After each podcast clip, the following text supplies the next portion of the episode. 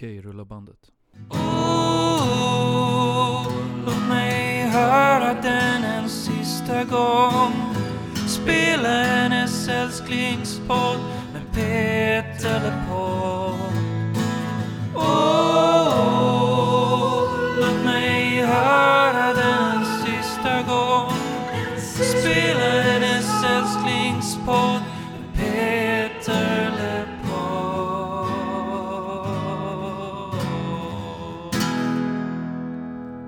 Välkommen hem till eh, en podd med blanka sidor. Jag heter som vanligt Tony och med mig så har jag Som alltid Emil.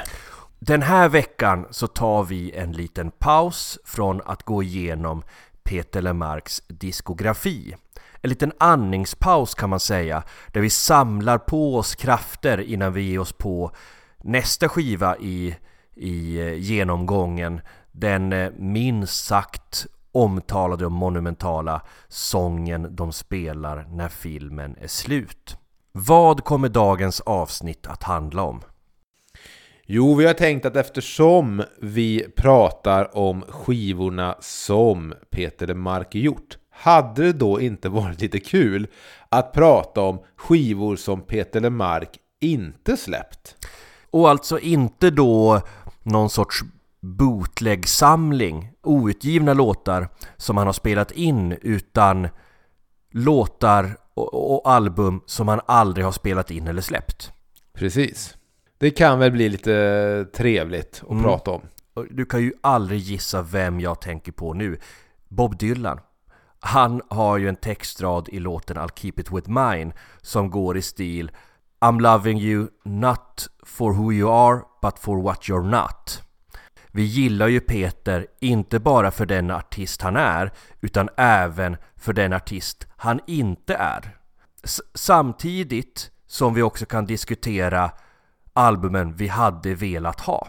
Men är inte den Dylan-textraden lite lik Kurt Cobains textrad I love you for what I am not, I do not want what I have got?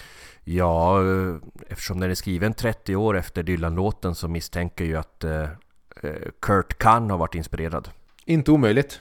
Artister inspireras ju som vi har lärt oss i den här podden. Det är ju faktiskt så att, att om vi knyter tillbaka ämnet till Peter så har han ju faktiskt nu börjat släppa tidigare outgivet material.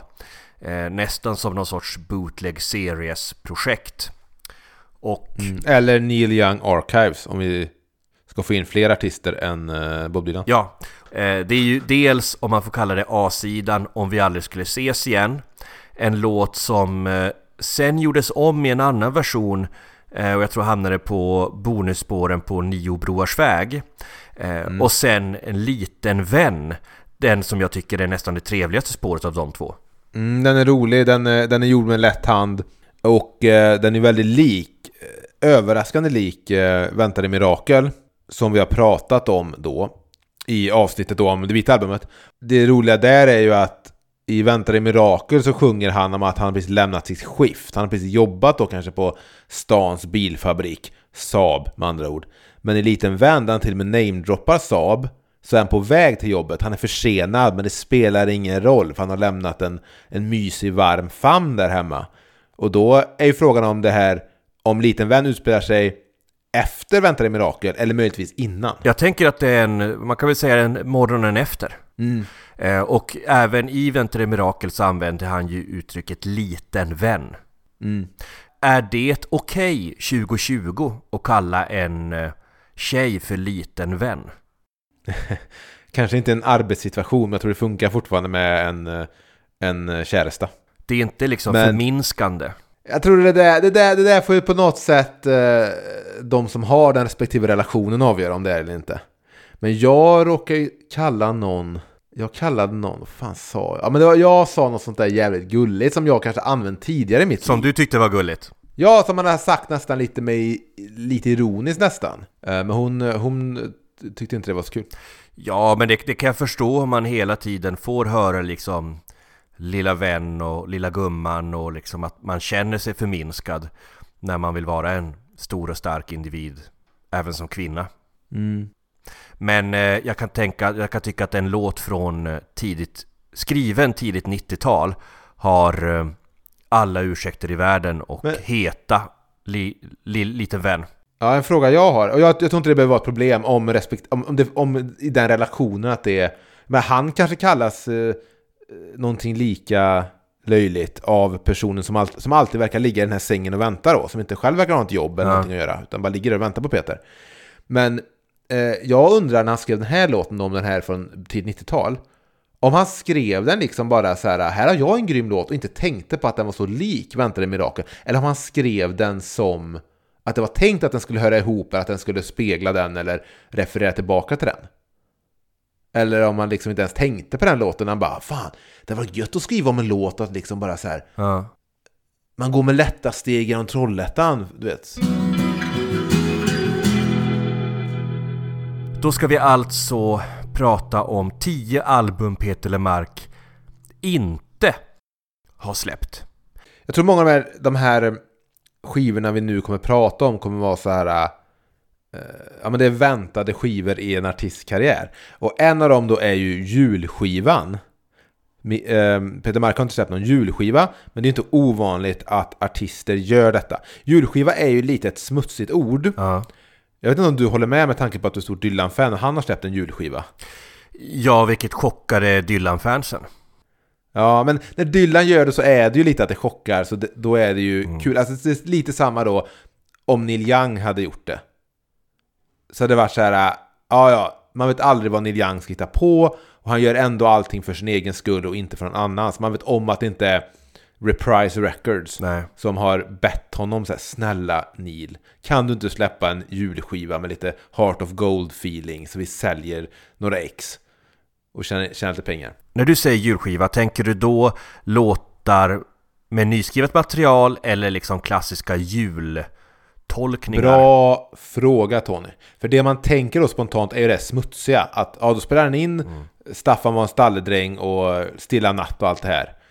Och det är ju den cyniska formen av julskiva. Som visst, det går bra för du vet Carola och de här artisterna. Men jag tror ju att Peter LeMarc hade kunnat skriva en skiva med temat jul. Men som handlade lite mer om de jularna som vanligt folk faktiskt relaterar till och upp, har upplevt. Ehm, Och han har ju faktiskt skrivit en jullåt som han gav bort till Tommy Körberg. Ja, precis. Min, min jul med Jack. En Jack Daniels-flaska. Som är liten deprimerande syn kanske på julen. Men det är väl det jag gillar. Men jag kan nämna... Så en, en skiva full med den typ av låtar som hans då, Min jul med Jack. Hans egen version, hans skiss som han skickade till Tommy Körberg finns ju att lyssna på på Peter LeMarcs Soundcloud. Uh, som är lite mer, mindre så här bjällrig och överproducerad mot Tommy Körbergs version. Men då, jag kan nämna då två jullåtar jag faktiskt tycker om på senare år. Och nu är inte jag någon så här konnässör när det kommer till julmusik, men man blir tvingad när man åker hem över julhelgen och sånt att, att lyssna ibland på julmusik. Och en är ju från den Tommy Körberg-skivan. Som han, han släppte en julskiva typ, ja det var 5-6 år sedan nu, som fanns att köpa på Coop. Det, det underliga med det är att jag tror det är den skivan som den här Peter LeMarc-låten spelades in, Min jul med Jack. Men den släpptes inte på skivan. Nej men precis, den kom inte med. Lustigt För nog. den, den, ja, den är väl från år, så det var ju en- bara en singel tillsammans med, han gjorde väl även en tolkning av uh, Little Willie John på den. Precis, Tommy Körberg alltså. Ja, Tommy Körberg då. Men han har en låt på sin julskiva från 2014 som heter Dan före Dan som är skriven av Thomas Andersson Vi faktiskt. Som är riktigt bra och också är så här en ny form av jullåt. Där det inte är någon så här bara tolkning av något gammalt. Och sen så Linnea Henriksson råkar också ramla in i någon jul. Hon släppte någon julskiva eller någon jul-EP. Jag tror inte det var så många låtar men då hade hon en låt som hette Fira jul med mig. Som också var rätt skön. i- eh, Så jag tror det finns ett nytt sätt att angripa julen på som Peter LeMarc hade kunnat göra om han nu nu ligger han väl inte på MNV längre, men om MNV på 90-talet hade sagt Fan, det är lite skralt i kassan Peter, skulle du kunna göra en julskiva i år? Så vi får in lite pengar. Så tror jag att han hade kunnat hitta ett sätt att göra det på som Ja. inte var Staffan en. Jag, jag, jag har en eh, spellista på Spotify som har fått viss spridning och viss eh, eh, uppskattning med liksom vad jag kallar alternativ julmusik. Eh, man kan söka på den på Spotify, den heter En uthärdlig jul. Ehm, och där finns det ju många liksom så klassiska, om man säger alternativa jullåtar. Cornelis, jultomten är faktiskt död. Tom Waits, Christmas card from a hooker in Minneapolis. Ehm, lite nyare exemplar. Eh, exempel, Nicky Lanes, Falalala Love You. Har du med, har du med Pearl Jams jullåt Let Me Sleep? Nej, det har jag inte.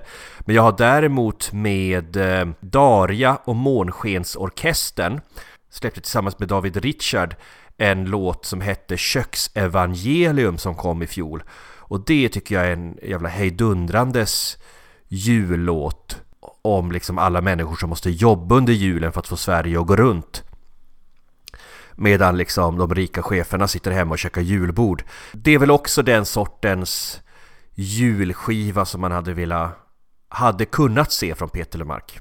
Ja, balansen att det ändå är någonting man kan sätta på på julafton när man står och rullar köttbullar. Eh, möjligtvis veganska köttbullar. Men att det ändå beskriver en, en riktig jul. Eh, Men okej, men hur stor chans av fem tror du att, att, att Peter någon gång skulle kunna släppa en julskiva? Hade han inte gått i pension, hade han fortsatt släppa skivor så tror jag väl chansen hade varit någonstans en 1 av 5. Ett av fem? Ja. Ska vi ta eh, nästa låt på, på listan som vi har kokat ihop? Ja. Det är den engelska skivan. Mm. Och det är så att Peter har spelat in låtar på engelska. Och det gjordes till och med en engelsk inspelning av låten Det finns inget bättre. Tyvärr svår Mm. att få tag i. Eh, vi har bara, jag har bara hört en litet utsnitt i en dokumentär om den Ja, översättningen. den, den finns ju på det japanska släppet av Det finns inget bättre. Som extra spår. Men den är, det är lite kostsam att köpa bara för att få höra den engelska versionen av låten Det finns inget bättre. Jerry Williams har sjungit in den dock. Och där är den ganska fin. Jo, men man vill ändå höra Peters. Exakt. Och jag Men tänker att av vi, någon anledning så göms ju den undan lite. Ja, men vi pratar lite mer om det här, den, den eventuella internationella lanseringen tycker jag i bästa i Det finns inget bättre episoden. Men det, och det finns andra låtar där, där Peter sjunger på engelska, alltså när han har gäst, när han har gästat andra artister. Det finns exempelvis en väldigt fin låt av Annika Feling som heter Lonely Love. Och där sjunger Peter på en ganska bra engelska. Alltså jag blev lite impad av hur bra hans engelska låter där. Och så finns det också liksom någon enstaka cover, jag vet på extraspåren på sången de spelar så finns eh, Let them talk. Och när han sjunger på engelska så tycker jag han påminner lite om Fredde Wadling i rösten. Vad har du hört? Ja, jag vet att på den här eh, samlingsskivan Mannen i mitten så finns det även med en cover på Heartbreak Hotel. En det är nog en live-tagning dock, men... eh, Och så här, jag tycker att det är bra att Peter har hållit sig på svenska. Men det hade varit intressant att liksom Kent, de översatte ju någon, några skivor till engelska när de försökte slå utomlands. Eller som när Ted Gärdestad gjorde en, en engelsk skiva. Och även, och även Imperiet, icke för att förglömma. Ja, just det. Det hade varit intressant att få höra hu- hur hade ett, ett engelskt Peter Lemark-album låtit? Ja, och vilka låtar hade valt... För Imperiet eh, valde lite gott och blandat. Från de tidigare skivorna väl, tror jag, när de släppte sin, sitt engelska försök. Sitt engelskspråkiga försök. Men... Eh, ja, det hade väl varit Lemarks hits, gissar jag. Ja. Det hade varit lite kul att han hade gett sig på någonting. Att han bara gett sig på de låten som, som inte var singlar. Eller de här låtarna, de låtarna som de hade på något sätt fått fram inte funkar i Sverige. Ja. De här låtarna på dina plattor, Peter, har ju verkligen inte funkat i Sverige. Så att han spelar in låtarna från Marmor, fast på engelska. Och får en hit. superhit, ja. F- får liksom en superhit i Japan. Men varför finns det ett japanskt släpp på, äh, det får vi återkomma till, men varför finns det ett japanskt släpp på Det finns inget bättre? Det finns en japansk släpp av sången de spelar också, vet jag. Med också någon extra låt på. Jag vet faktiskt inte varför... eh, Jag vet inte. Japaner eller asiater kanske öppna för, mer öppna för musik på andra språk än engelska och eh, eh, sitt eget. Hur stor chans tror du då av fem? att, att det skulle komma en... eh, Ja, den, den chansen tror jag är mycket låg. Men chans, det, fann, men det har i alla fall funnits en chans eftersom de försökte breaka honom efter Det finns inget bättre på engelska, men inte gick, och även på spanska. Han spelade även i en spansk version av låten. Men det... Så det är ändå fun, det är ju i en alternativ verklighet Mm. där det finns inget bättre, den engelska versionen funkade på radio i England. Så hade vi ju fått kanske där, ni, istället för bok med blanka sidor kanske vi hade fått eh, en engelsk version istället. Ja, a book, book with blank pages. By Peter LeMarc. Jo, men då, tror, då där hade nog chansen varit hög om det hade varit så att den är breakat på 90-talet. Och kanske bra att han inte gjorde det. För jag vill, jag vill fortfarande tro att han är en sån sångare som... Ja, men dels så tror jag att han behärskar svenska språket så pass mycket bättre att det är svårt att beröra på svenska, på, på, på engelska på samma sätt som man berör på svenska. Men också att vi har ju pratat mycket om det, hur många av hans låtar handlar så mycket om den svenska upplevelsen. Det hade ju försvunnit mycket mer om han hade försökt sig på det engelska. Ja, jo. Så har det varit. Men när man lyssnar på Imperiets eller så Kents försök så eh, funkar även det bättre på svenska. Kan man ändå tycka.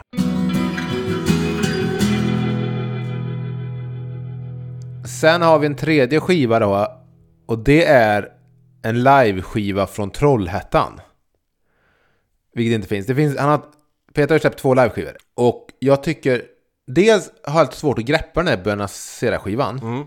Uh, och den kommer väl också återkomma till i ett senare avsnitt, förhoppningsvis.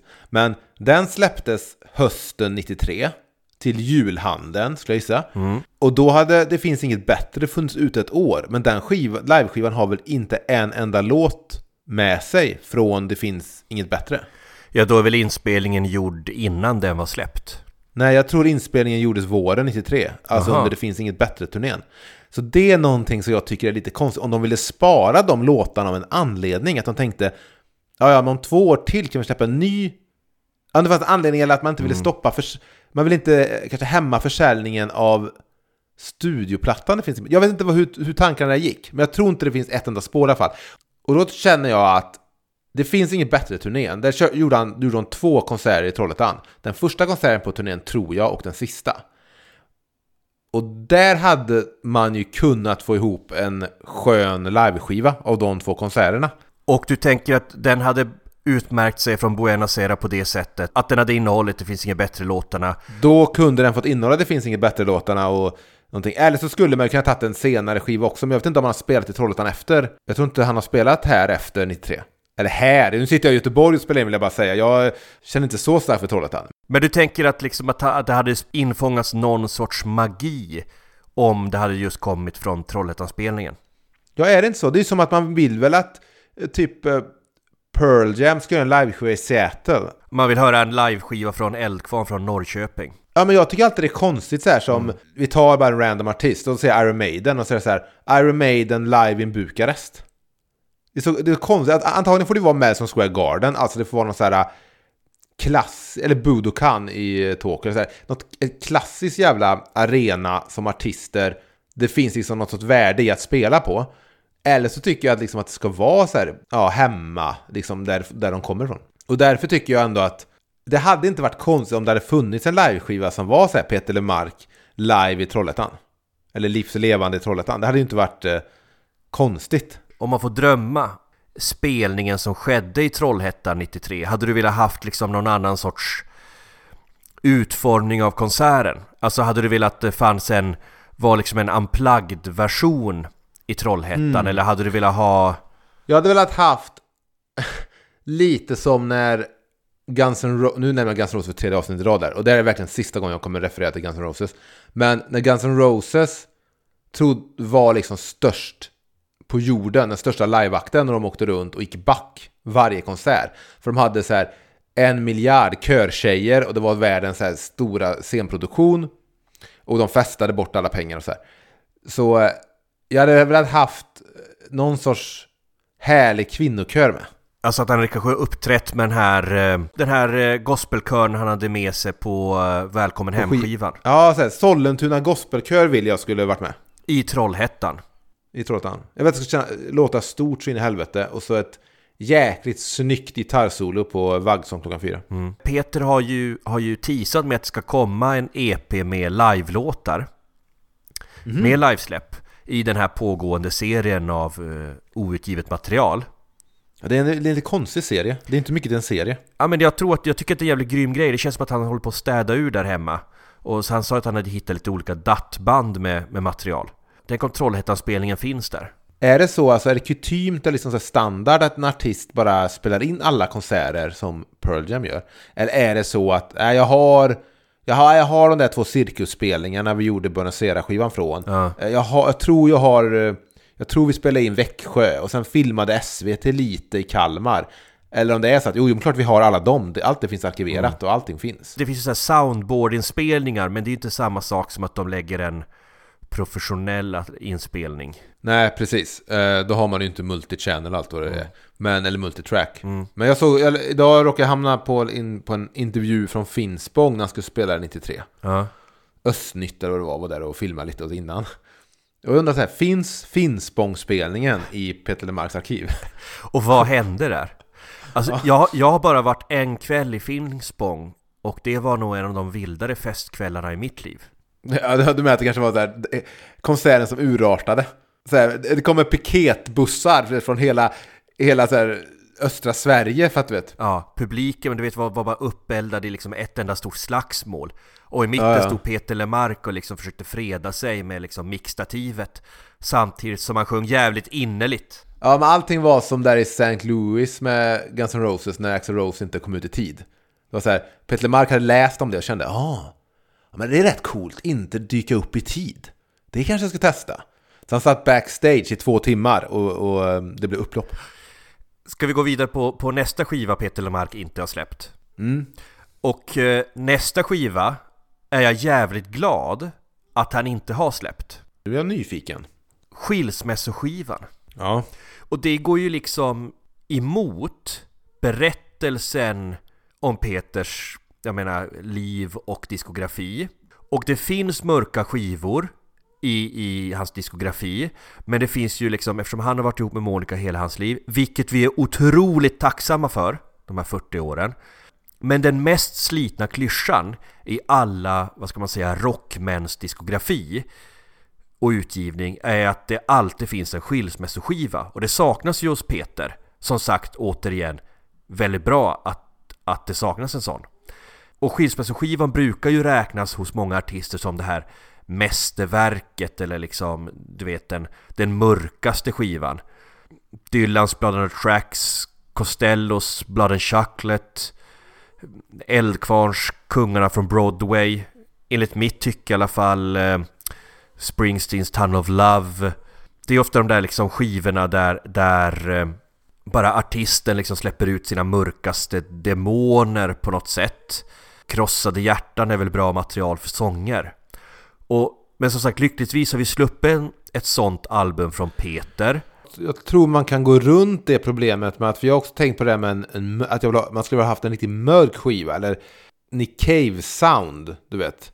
Osler har producerat, det där riktigt mörka, så här. men det behöver inte just komma från en skilsmässa dock. Det kan komma från en depression, eller bara ren jävla ilska, eller... Det finns ju skivor jag tycker som Peter gjort senare där det finns som är ganska tungsinta. Ja, ja, jo. Alltså eh, det som håller oss vid liv, svag doft av skymning på något sätt. Vissa delar av, av tunna tråden är ju... Jo, jo, men det, det, det behandlar en så här tunga ämnen. Men jag skulle vilja ha en så här sotsmutsig produktion. Jag vill höra oljetrummor och du vet, jag vill vara så här och bara en jävla ilska och en jävla bara så här. Jag vill, jag vill, jag vill bara hamna i ett mörkt jävla hål. Om Peter hade kunnat skriva det och fortfarande må bra, då hade jag velat höra det. Ja, det här får ju inte gå ut över eh, Peters måne såklart. Men precis, som du säger, skilsmässoskivan kommer vi väl inte få och har inte fått. Nej, och, men, men jag tror ju samtidigt att hade Peter varit med om någonting sånt och släppt en sån skiva så är jag rätt säker på att den inte hade låtit som skilsmässoskivor hade låtit. Nej. Alltså den hade ju, så här, istället för att den hetat så här Blood on the Tracks så hade den väl hetat Tack för den här tiden. Så här, jag, har, jag har haft väldigt svårt att se Peter skriva det där hatiska och oförsonliga. Men man kanske ändå kunde ha fått, fått in lite Pelle Oslers oljetrum-sound från Thåström-plattorna. Ja, Lite bara. lite. Lemark säger i studion, men, men vad gör du? Varför kommer du in med en oljetrumma? Och, och så här, Oster, säger fan jag måste få in det på skivan. Så här, nej, nej, men jag vill ha lite, lite bilfabriks-sound. Um, ja, en skiva jag, jag, jag tänkt lite på sen vi snackade i förra avsnittet om Välkommen Hem. Det är nyinspelningen av Välkommen Hem. Och då tänker du nu Tony att jo, jo, men vi har ju skivan 17 sånger där väl så här, fyra låtar är hämtade från Välkommen Hem. Precis vad jag tänkte. Men det är mer den strippade versionen. Jag tänker så här att de att Peter hade kunnat efter eh, sången de spelar och, kan, och eh, kanske det finns inget bättre som är lite renare i soundet och lite mer så här back to basics. Att han såg tillbaka på Välkommen Hem och de starka låtarna och tänkte okej okay, jag behåller eh, sången men vi tar bort resten. Tony Thorén, vi tar bort resten och så spelar vi in ny musik. Vi spelar in riktiga trummor, vi spelar in ny gitarr och så eh, gör de en, en, en, en version av Välkommen Hem som låter mindre trummaskinig. Alltså i princip en, en remix. Eller jag tänker på de här som Beatles släppte så här, eh, de släppte den här Let It Be Naked. Där de plockade bort all, all Phil Spector-produktion. Ja, men exakt samma gjorde ju nu The Doors med eh, The Soft Parade. Där de släppte en version som var så här eh, versionen bara med The Doors som tog bort alla orkesterinslag och allting. Det är ju precis. Ja, men lite åt det hållet. Men jag gissar att med den skivan så måste man nog spela in saker på nytt. Det är nog inte ja. bara plocka bort, utan det är nog mer att vi får sätta nya trummor och sånt. Men precis som du säger då, välkommen hem naked. Men fan, välkommen hem naken, det, är också en, det hade ju varit en grym titel i sig. Ja. Får jag då ställa frågan så här? Hade du velat höra en remix av 17 sånger på Välkommen hem-produktionssätt? Vadå, samma... jag tror inte det här... Äh, de här popsnärtiga trummorna hade funkat riktigt ihop med det tempot som är på 17 sånger. Nej, jag tycker det hade varit lite spännande. Nästa skiva då som, som jag faktiskt hade velat höra är Visplattan. Peter är ju uppenbarligen ett fan av visor. Han har sjungit in åtminstone två stycken som jag känner till. En favorit till mig, eh, Cornelis Vreeswijks Fredrik Åkares morgonsalm som är eh, en sån låt jag hade velat höra på min begravning i Cornelis original. Eh, och sen så har han ju också spelat in eh, Olle Adolfssons Nu har jag fått den jag vill ha. En låt som i original min fästmö tycker är en av världens finaste sånger. Och de två låtarna tycker jag Peter sjunger eh, eh, fantastiskt. Men han har ju aldrig gått hela vägen och gjort en hel skiva där han tolkar visor och jag vet inte, det kanske är en generationsgrej i att man inte spelar in visskivor om man är född sena 50-talet. Att kanske artister som, gjorde det, som var 10 år äldre gjorde väl det mer på löpande band. Men jag skulle lätt vilja höra Peter tolka mer av Olle Adolfsson, typ Trubbel, eh, eller Fred Åkerströms Natt i en stad. Cornelis Tomtebloss hade varit som gjuten för, för, för Peter. Eller om han hade vågat liksom ge sig på så här lite modernare visartister så Jenny Almsenius Handen där hjärtat är eller någon Sofia Karlsson-låt eller sådär. Jag, jag tror att, i synnerhet med den här rösten Peter har idag, så tror jag att han hade funkat väldigt bra med visor. Jag undrar nu om det finns någon marknad. Jag tänker på den generation som köper visskivor också. Inte riktigt vår generation, även om du skulle göra det. Jag undrar liksom om den, om den generationen finns kvar. Ja, men jag tänker att, att, att spela in visor som svensk artist är lite motsvarigheten till att som amerikansk artist spela in liksom jazz standards. Så The Great American Songbook. Jo, men jag gissar att det inte finns så stor marknad för det heller då. Ja, kanske inte i Sverige för just jazz standards, men men jag, ja, den publiken som faktiskt köper CD-skivor fortfarande tror jag hade kunnat vända sig till visskivan. Jag tänker även på... Um, jag tänker, ska, det är inte någonting man ska blanda ihop. Men även så här, dansbandsskivor, säljs det då? För jag, jag gissar att det är lite samma generation. Det är ju det som säljer. Det gör det. det. det. är fortfarande så att man kan släppa en Vikingarna-skiva. Ja. Och det, den kommer spela in sin produktion. Vet du vad som är Sveriges största skivbutik? Statoil.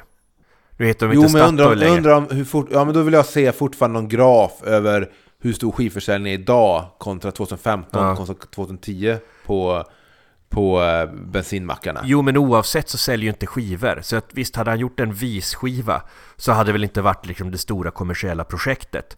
Men Nej. det är liksom någonting jag hade kunnat se eller höra framför mig. Ja, Och jag- jo, och jag- det, det håller jag med om. Och jag, jag med. ser omslaget framför mig. Jag ser jag ser massa osålda skivor framför mig. i, i drivor.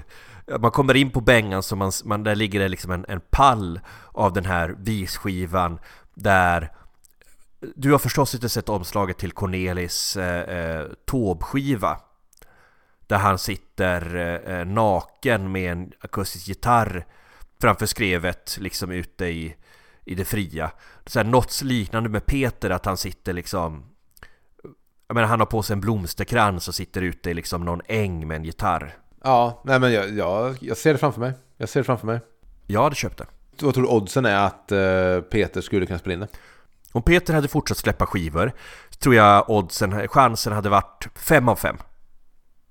Fem av fem. Så du säger att julskivan är ett av fem.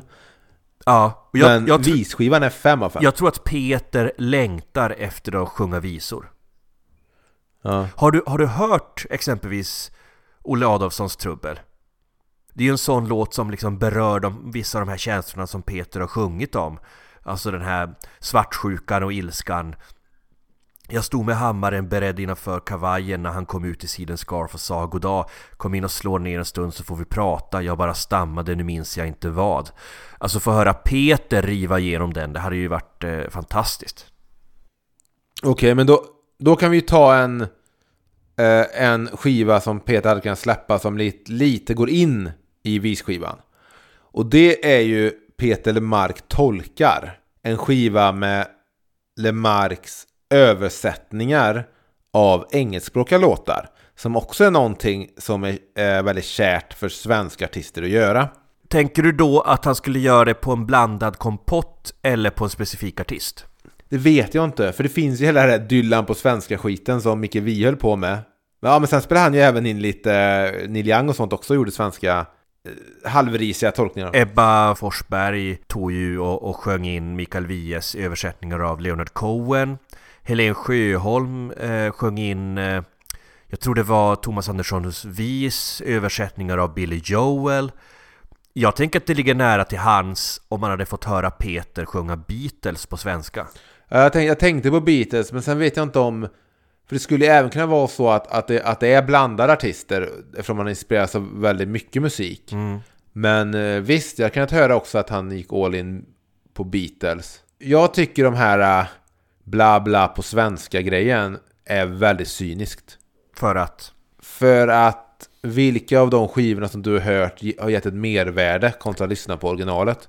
Jag skulle säga att jag både uppskattade Ebba Forsbergs Leonard Cohen-skiva Jag, ser, jag har väldigt svårt att se poängen. Förutom att sälja på ett namn. Och, eh, Nej men det jag kan tycka är intressant är ju att ta det svenska ut... Det pratade vi om när vi pratade Vita skivan så pratade vi om det med Otrohet Soul och översättningarna som skedde. Nej, Men exempelvis när Svante Thuresson sjöng eh, If loving you is wrong. Eller när eh, Alf Robertson som är en stor favorit med, han har sjungit väldigt mycket Tom T. Hall och annan country på svenska. Det är ju något intressant som sker när man tar den svenska upplevelsen till de amerikanska låtarna. men jag tycker inte riktigt att det jag har hört. Nu har inte jag hört allting. Jag har hört Sven Wolters Cohen-grejer. Jag har hört lite av Mikkel Wiehe och, och sådär. Eh, och visst, jag tycker att Maggans bar är väl lite, lite rolig version av Maggie's Farm. Men över allt det där så ligger det ändå någonting som jag uppfattar som lite cyniskt. Men jag tror att, jag, tror att Petter Lemark hade kunnat ge något sorts genuint in i det. Jag, jag tror att Peter hade kunnat hämta hem det. Det är ändå Peter Lemark vi pratar om. Jag tror att han verkligen hade kunnat föra hem det där svenska. Och jag menar, hade han gjort Beatles-tolkningar så hade det ju inte varit rakt av. Det hade ju varit, han hade ju gett det något, Ja, tänk, något diskbänkigt. Något tandkrämsbråkigt. När, du sitter, när du sitter på tåget upp till Kalix i jul och du hör på P4 och nu ska vi höra Peter Marks tolkning av Ticket to Ride med Beatles. En biljett att lösa. Ja, det, Ja. det hade jag velat höra. Jag vet inte vem, vem annars hade kunnat tolka Vågar, vågar du nämna Van Morrison? Det var det jag skulle hålla mig ifrån. Men jag tänker ju att eh, det hade varit intressant att höra... Jo, jag jag skulle vilja höra, jag skulle vilja höra Peter sjunga översätta The Platters Only You till bara du och få den att låta och få den att handla om typ Monica. Det här eh, doo-woppiga som han har pratat sig varm om. Och liksom få det istället för att handla om tonårskärlek, få det att handla om eh, jag menar livslång kärlek Det blir ju ett höst. trevligt koncept att ta stora eh, engelskspråkiga låtar om, om du vet, som, all, du vet, som, som du sa, om ungdomskärlek och det här. Men istället här, men jag ska göra tolkningar som sätter det i en vuxen kontext. På sätt och vis så är det ju det Peter har gjort med sina originallåtar. Det var ju Ja. det vi pratade om mycket om eh, eh, hur hjärtat jämt gör som det vill. Att han verkar i en genre och ett uttryck som ofta handlat om careless love eh, eh, och liksom tillfällig tomteblåskärlek. Men att han har liksom stöpt om det och i, till sitt eget synsätt och sin egen verklighet. Ja, men där finns någonting. Jag tror det finns någon chans att han skulle spela in en skiva med tolkningar. Peter sjunger Beatles eller doo-wop på svenska. Tre av fem. Det är någonting. Det är någonting.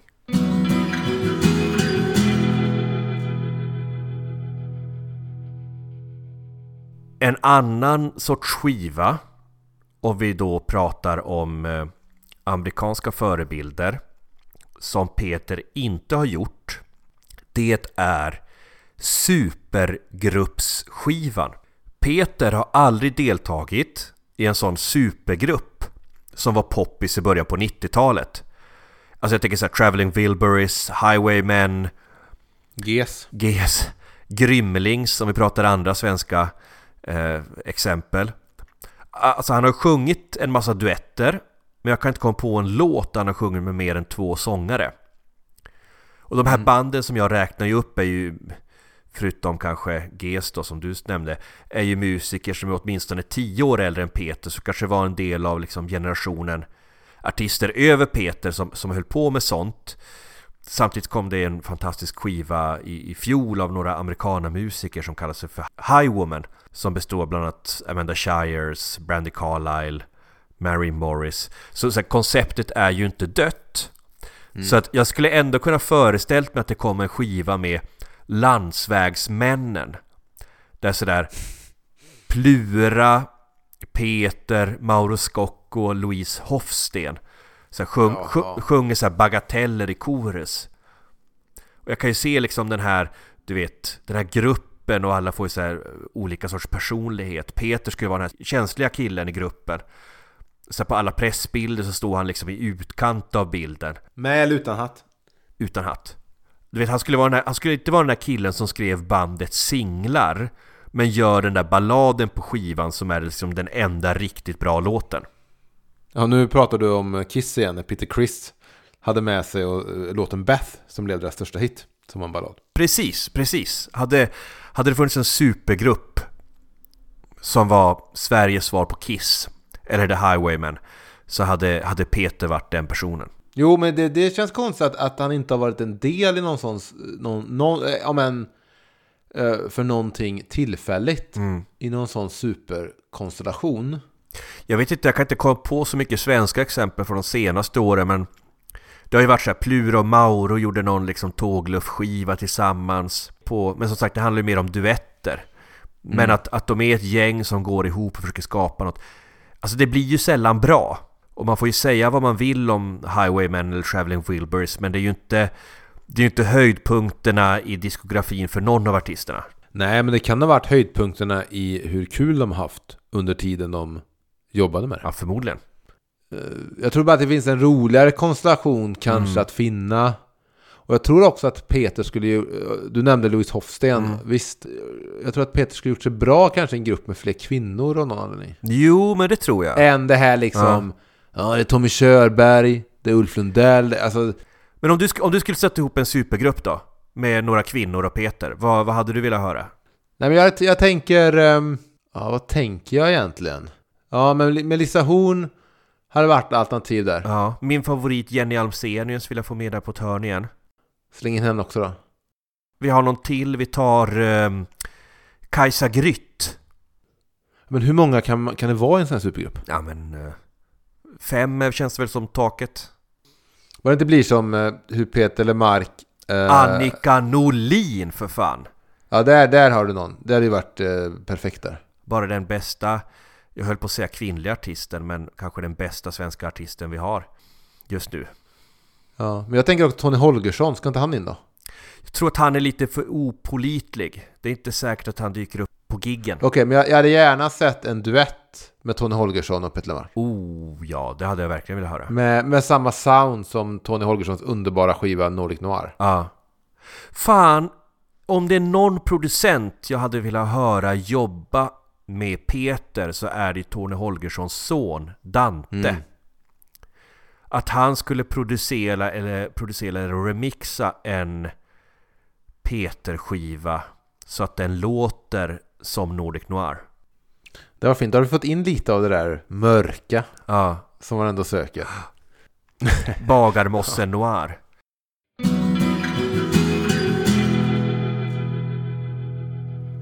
Ja, och då tänker jag på en skiva som väl Peter inte riktigt... Om vi räknar bort de där fyra första plattorna som floppade innan det vita albumet. Så har ju aldrig riktigt Peter släppt den där gigantiska katastrofskivan. Eh, den, den där eh, typ konceptskivan som man släpper där alla sitter och tänker så här. Men vad fan tänkte han med egentligen?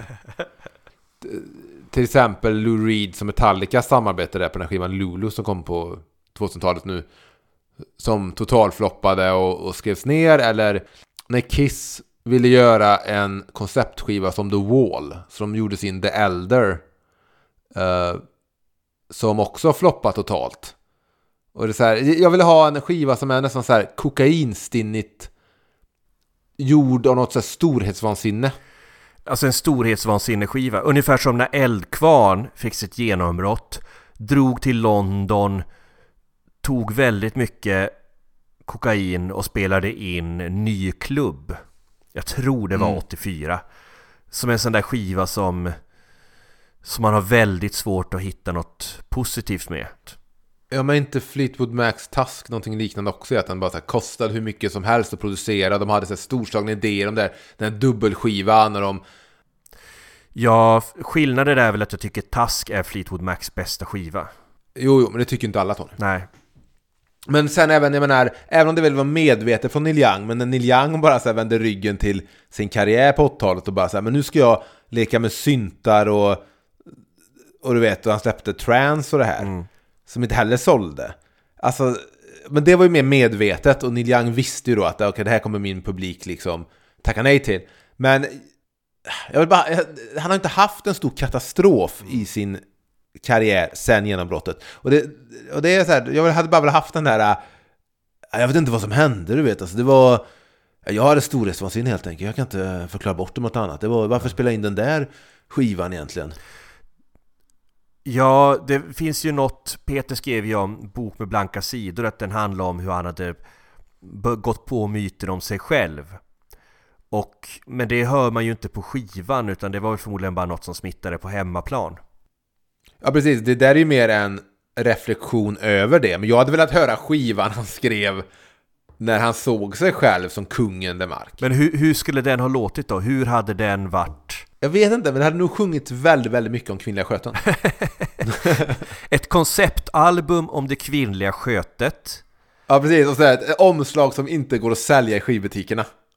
Eh, de hade flugit in liksom dyra producenter från... Eller så hade skivan varit inspelad i London med och du vet så Tony Thorén hade fått stanna hemma Så det hade bara varit Peter i studion med massa folk som han inte känner. Ja men typ någon sån här Phil Spector liknande ja, som den där Cohen hamnade upp i. 20, ja, 20 gitarrister. Ja varför gjorde jag en låt som var 20 minuter lång för? Ja. Bara djurläten hela låten Något sånt och liksom att det, det är tänkt en stor turné som måste ställas in för att ingen köper biljetter till det här du vet Men vad, vad... För då hade vi också fått sen comeback-skivan Just det efter det.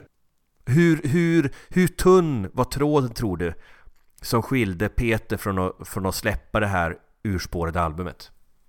Kan det varit en Tony Thorén som kanske i ett telefonsamtal stoppat honom? Ja, Nej, vi går inte in i studion nu Peter. ja. Din narcissism är för stor just nu. Vi väntar. Det får, det får ta ett par år nu till nästa skiva efter. Det finns inget bättre. Vi kan inte gå in i studion direkt. Nej, Ja. nej. Nej, jag tänker inte ringa 20 dvärgar som ska komma in nu. Ja, det får, man, det får man ändå ge Peter att det är fan en jävla bedrift att sen, sen sitt genombrott inte gjort en enda skiva där folk undrar vad fan håller han på med? nej, nej, precis. Den sista skivan som Peter inte har släppt Även det en skiva jag är lite glad för Inte finns. Så mycket bättre tolkningarna. Al- Alltså jag dömer ingen som varit med i det där programmet. Jag fattar inte det? Ja men jag fattar att det är en obetalbar chans på något sätt att få ett större genomslag. Eller få cash så man kan jobba vidare med sin musik. Det var någon jag läste som sa att Jag fick så mycket pengar som kunde liksom Du vet ta ett år ledigt och bara skriva på nytt material eh, Och sen så är det säkert svinroligt för de artister som är liksom upplagda för det Att hänga med andra musiker Som är antingen oväntade eller Eller som de gillar och liksom tolka varandras material. Det är säkert skitkul att hänga på i den där stugan en vecka på Gotland och supa. Men jag gillar att Peter markerar så hårt att han inte vill vara med i det programmet. Alltså att han är Han är ju lite folkskygg och motvalls till stora sociala sammanhang I alla fall enligt vad jag tolkat hans egna beskrivningar Så att även om vissa artister får fri lejd att göra så mycket, så mycket bättre tolkningar de vill så känns det ju som att, att det inte hade varit Peters grej. Och trots att Peter är rätt underskattad, tycker jag som, som uttolkare av andras låtar, så är jag rätt glad för att det inte finns en skiva där vi hör Peters cover på E-Type eller Ison och Fille. Ä- även om Peter säkert skulle kunna gjort en grym tolkning av Angels Crying. Ja, där har du en, får du en uh, svensk tolkning kanske den låten. Ja, När änglar gråter. Hur som helst då, jag tänker bara på t- liksom redaktionen innan så här, en ny säsong. När de skriver på sin whiteboard så här, vilka artister ska vi få tag i den här gången? Så tror jag så här, det finns, jag tror det finns tre artister de skriver varje, de som ringer eller försöker få tag i varje säsong, men inte, det går, har inte gått hittills. Jag tror det är Tåström, ja. jag tror det är Jocke Berg, och jag tror det är Petter Mark. ja, och jag vet också att de har försökt få med Björn Skifs vid flertalet Björn tillfällen. Skifs hade ju varit en klassiker också. Ja, men jag, tänker, jag, tror, jag tror ändå att de ringer så att de skickar ett sms till Thåström varje år. Kan du inte, kan du inte komma så att, eh, ja men du vet, att Klerup kan göra fan, fan, fan. Ja. Ja, nej, men jag, jag, jag skulle kunna se Peter Lemark vara med, men jag tror inte han skulle tycka om att sitta där runt i bordet. Nej. Och det, Alltså vara med i tv på det sättet. Sen tror jag säkert han hade kunnat vara med på en... Ja men... Jag tror typ han hade varit så här typ... Fan, vill du tolka en E-Type-låt för en, en välgörenhetsskiva? ja. Så tror inte jag det är riktigt det det handlar om, att han så här ogillar E-Type så mycket. Jag tror säkert han hade kunnat göra den där... eh, När änglar gråter, har varit jättefin på någon sån här pumporgel och... Dilbas syrra är med och körar igen som hon är på E-Types låt och sådär. Ja, men jag vill vara väldigt tydlig med att jag inte tror att Peter Lemark på något sätt hatar E-Type. Jag tror till och med Peter Lemark skulle kunna ha ganska trevligt på E-Type, såhär Viking och krog. Gick på i Gamla stan. Ja, men, men jag tror...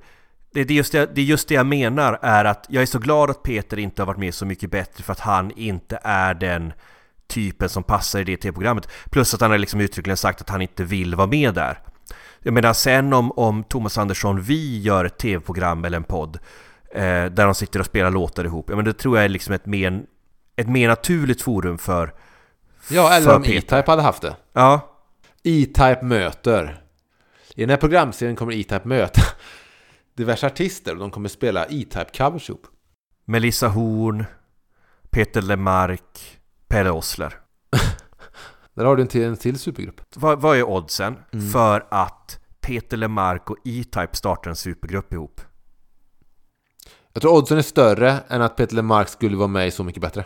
Det tror jag också. Ja, och då tackar vi för den här, eh, det här veckans diskussion. Eh, det kommer komma lite sådana här bonusavsnitt framöver där vi pausar från diskografin och diskuterar ämnen som vi har funderat över eh, när det gäller Peter. Om ni uppskattar den här podcasten så får ni jättegärna tipsa era vänner. Eh, ni får jättegärna, om ni inte redan har gjort det, följa oss på Facebook och på Instagram. Jag tycker innehållet, i synnerhet på vår Instagram, är ganska roligt. Där det, där det dyker upp en del Peter Lemark Eh, eh, influerat material. Nu idag då vi spelar in så la jag exempel upp bilder på den hot sauce jag har gjort inspirerad av Peters musik. Där får man alltså se bilder på hot sauce med namn som Hett av dem sett, Little Chili John och eh, Starkare än ord. Så, eh, och sånt guldmaterial vill man inte gå miste om, så följ oss på, på Instagram. Kan du se Peter Lemark stå i ett kök och göra hot sauce? Jo, men det tror jag ändå. Alltså, vad, vad tror du Peter gillar hot sauce? Jag tror Peter kan vara en person som inte gillar stark mat. Jag tror så här, jag säger så här att om, om Peter hade velat ha en flaska så är det bara att han mejlar oss på peterlepodd.gmail.com så, så skickar, skickar jag ett exemplar av Trollhättan med E, Trollhättan, som jag har döpt såsen till. Och med det så ber jag att få avsluta dagens avsnitt eh, med raderna från en låt som heter Vagg som klockan fyra. Allt är bra nu. Gitarrsolo.